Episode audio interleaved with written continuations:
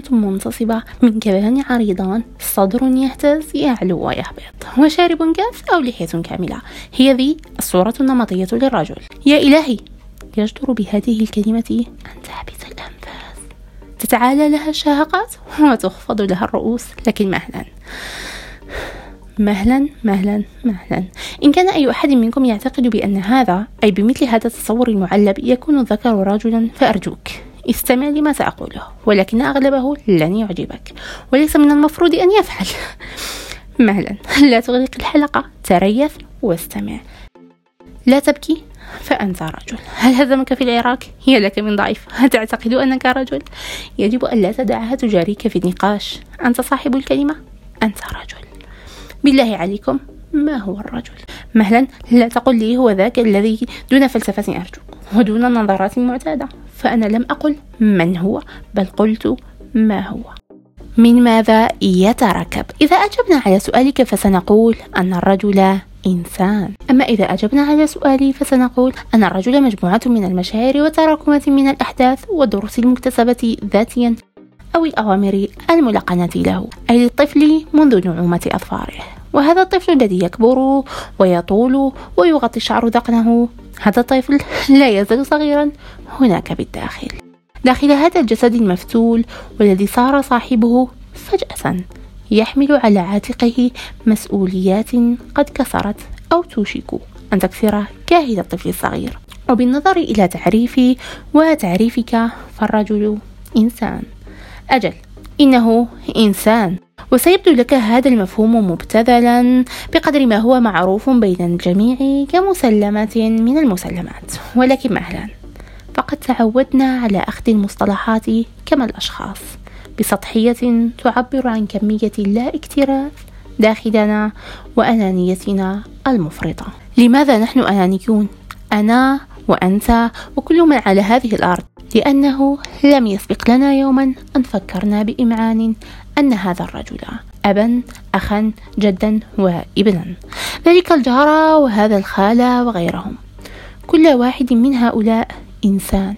إنسان بكل ما تكتظ به هذه الكلمة من مشاعر الحب السعادة الشوق الحزن وغيرها. للرجل ألحق في أن يبكي. في أن تظهر دموعه فهو إنسان.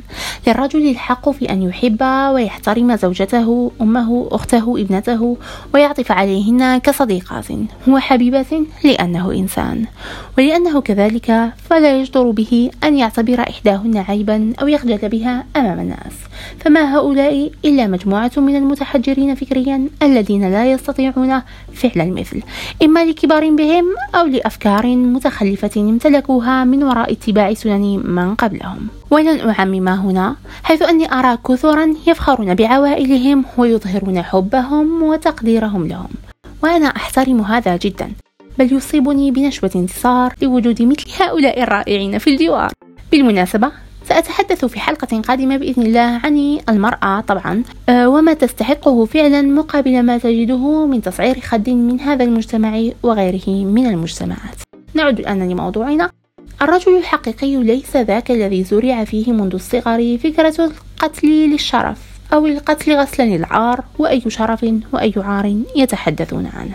وهل من عار أكثر من أنهم بدل أن يربوا الأطفال إناثا وصبيانا على الآداب والقيم يقفزون إلى هذه المرحلة بأكملها ليلجأوا إلى السيف والرصاص؟ وأود أن أعقب هنا بأنني سأتناول في حلقة أخرى بإذن الله موضوع التربية. نعود إلى الرجل. الرجل هو ذاك الشهم الشجاع الذي يخاف على عائلته وأهله من السوء فيلجأ إلى تعليمهم الأدب. بدل أن يؤدبهم بالعقاب على كل خطأ بعد فوات الأوان. ولكن هذا لا يمنع أن يكون الرجل هو ذاك الحساس الذي يشتاق والذي تنزل دمعته ربما أسرع من الآخرين. وحتى أسرع من النساء. فالشعور ليس حكرا على جنس دون جنس وكذلك العقل والمنطق. والآن دعونا نتساءل من وضع التقسيمات الجندرية للصفات والمشاعر والأفعال. لعله العرف والعادة لعلها احتياجات الإنسانية عبر التاريخ ولعلها ولعلها. ولكن لماذا لا نكون منطقيين وأكثر وعيا بما نحن عليه اليوم؟ وبما يخوضه غيرنا من الطرف الآخر في بحر الحياة. ولكن من يود السباحة إلى الآخر؟ اعرف أنه إنسان فقط إنسان ذكرا كان أم أنثى.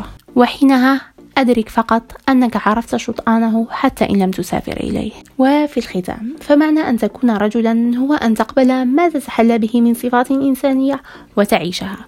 وكن على ثقة خلال كل ذلك أن من يرفضها اليوم سيتقبلها غدا. أستودعكم الله أيها المستمعون الكرام. لا تنسوا الاشتراك في قناتنا عبر التطبيق الذي تسمعوننا عبره واقتراح مواضيع تهمكم عبر صفحات ميرا الحكيم فيسبوك إنستغرام تويتر تيك توك وسناب شات. سلام!